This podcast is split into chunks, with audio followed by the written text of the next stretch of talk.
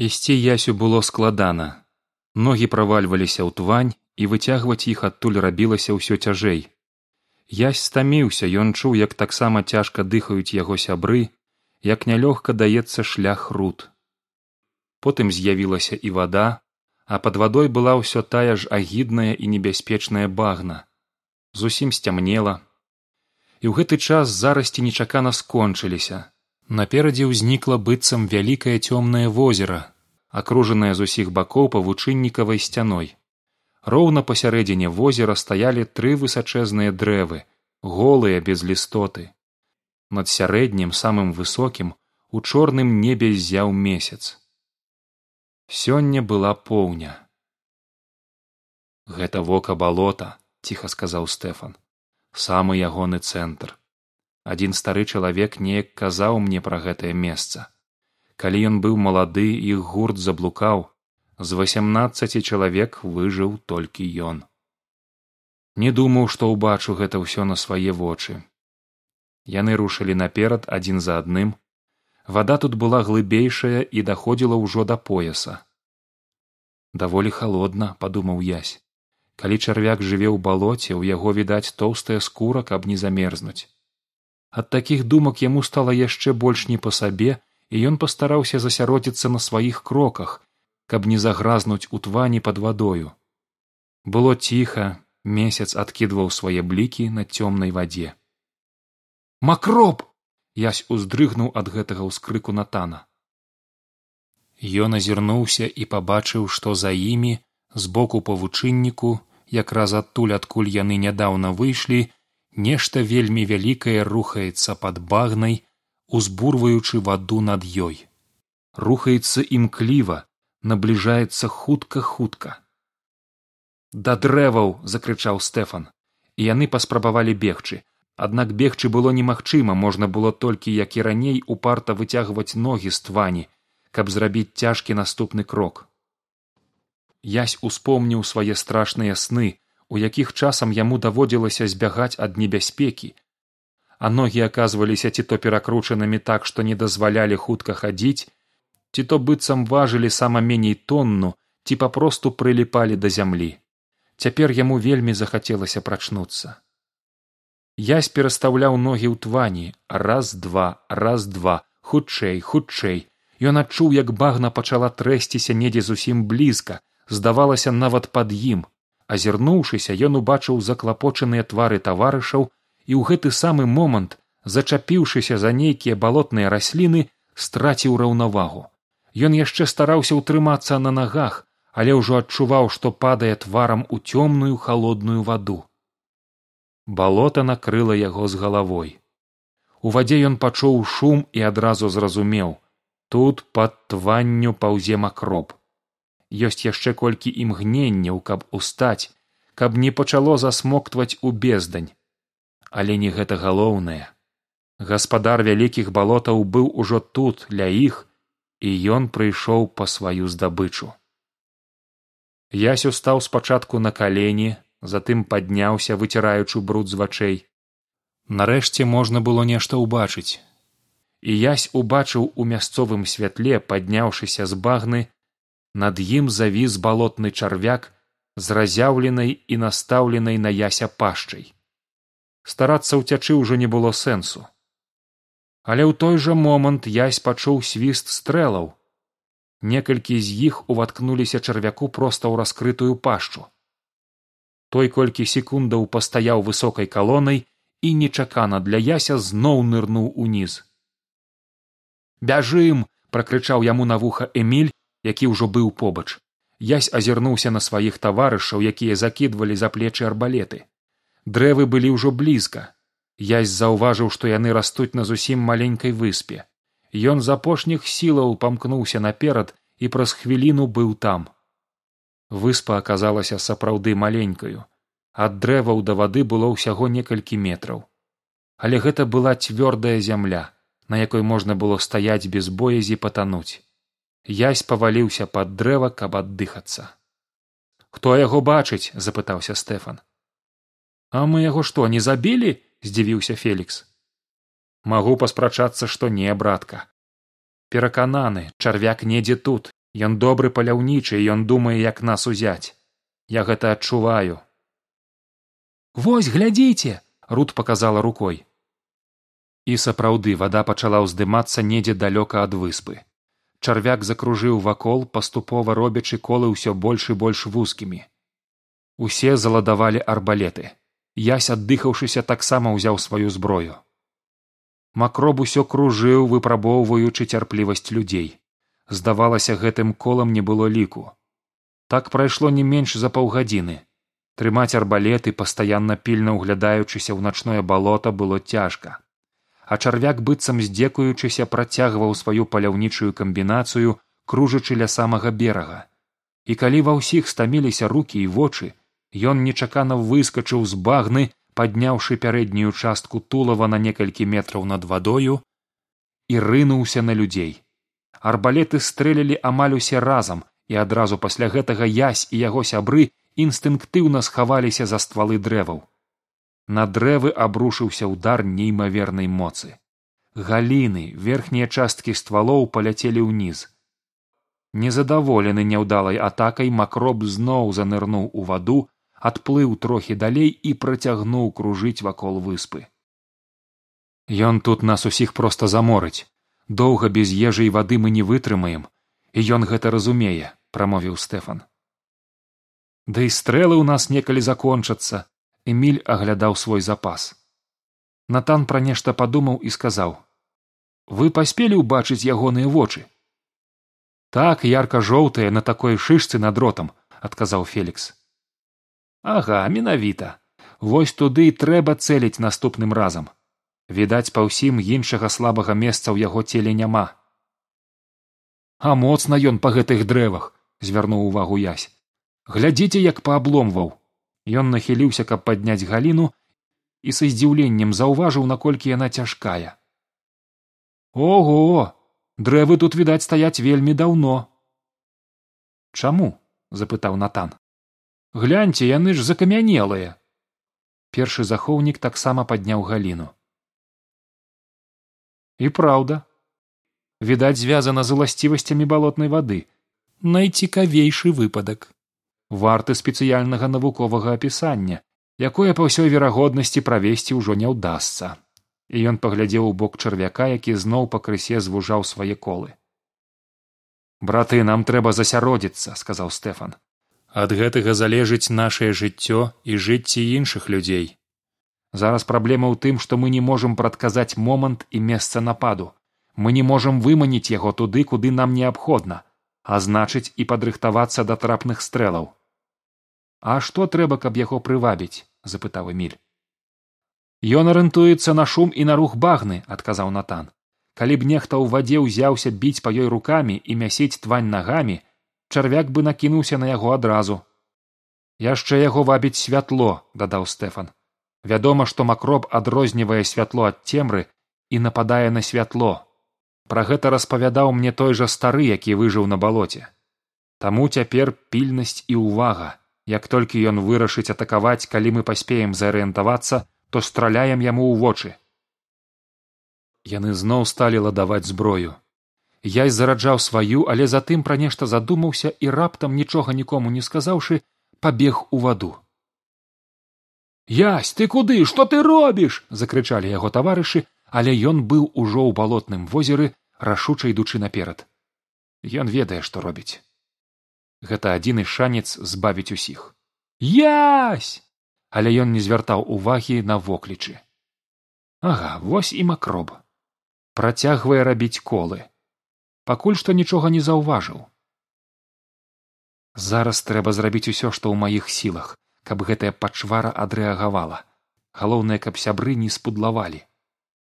Вяртайся крычалі з берага і ясь убачыў што стэфан таксама ўжо скочыў у ваду і рушыў да яго. Толькі гэтага не хапала. Так ён усяму зможа перашкодзіць трэба спяшацца. Язь адвязаў ад паса біклажку дастаў корак і рэзка лінуў наперад святлівую ваду з возера пячоры эйлон. Усё цяпер назад. Тут блізка дваццаць крокаў. Толькі б спрацавала гэта.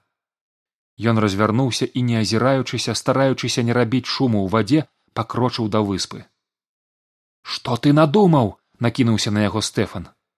Просто не было часу тлумачыць ды вы б мяне не пусцілі адказаў язь уздымаючыся на выспу. А надумаў я вось што і ён паказаў рукой на яркую пляму святла якая расцякалася ў вадзе. Чарвяк спыніўся. Ясю падалося што недзе там унізе ён ацэньвае сітуацыю.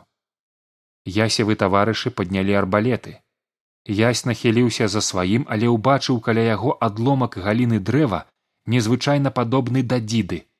Падумаўшы што ад гэтага можа быць болей карысці чым ад лёгкага нажа ён узяў доўгую скамянелую галіну ў руку і падняў над плячом. Людзі чакалі сцішыўшы дыханне. Урэшце пад вадой нешта заварушылася і хваля пачала набліжацца да яркай плямы.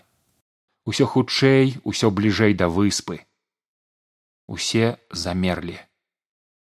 І вялізны макроб падняўся зноў імкліва рэзка каля самай плямы разявіўшы над ёй пашчу з намерам схапіць яе сваім ротам. У якіх дзесяці метрах ад людзей. Страляй скамандаваў стэфан. Страла натана праляцела міма. Стрэлы стэфана і фелікса пацэлілі ў адно і тое ж вока. Рут патрапіла ў пашчу. Эміль спудлаваў каменная дзіда яся ляцела апошняй але і ён не патрапіў чарвяку ў вока а толькі некуды ў бок. Макроб усё стаяў над вадой утаропіўшыся ў людзей сваімі страшнымі неміргаючымі жоўтымі вачыма. Здавалася ён разважаў кідацца яму на светлую пляму ці на тых хто стаіць на выспе. Так прайшло некалькі секундаў. Пераладаваць арбалеты ніхто не паспеў.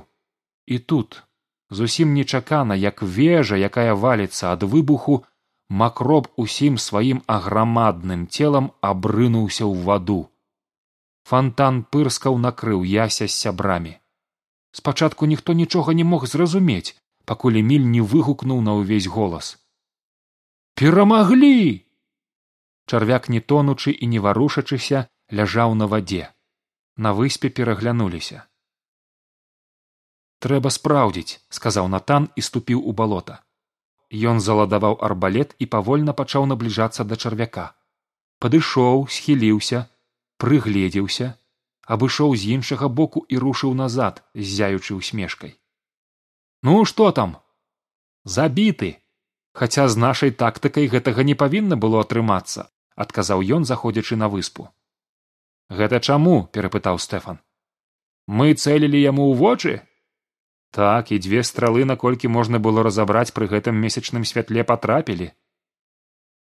Гэты макроб хітрае стварэнне адказаў натан. То былі так бы мовіць падманныя вочы. Спецыяльная яркая жоўтая афарбоўка на скуры уночы яна свеціцца сапраўдныя вочы зусім незаўважныя у яго аказаліся па абодва бакі ад рота. Дык як жа тады мы яго забілі а гэта зрабіў язь я? здзівіўся хлопец. Так твая каменная дзіда патрапіла яму ў вушную адтуліну што была збоку адразу за галавой і прайшла ўнутр. Менавіта адтуль цякла кроў. Дарэчы што цікава для мяне як навукоўца яна ў яго жоўтая. Усе зноў паглядзелі на чарвяка а потым на яся. Віншую стэфан абняў сябра і астатнія таварышы таксама пачалі горача віншаваць хлопца і адзін аднаго. Пасля гэтай перамогі яны дазволілі сабе трохі адпачыць седзячы на выспе. Калі стома крыху сышла стэфан падняўся на ногі. Трэба рухацца далей. Заначаваць на выспе мы не можам. Невядома ці ёсць тут іншыя такія ж стварэнні.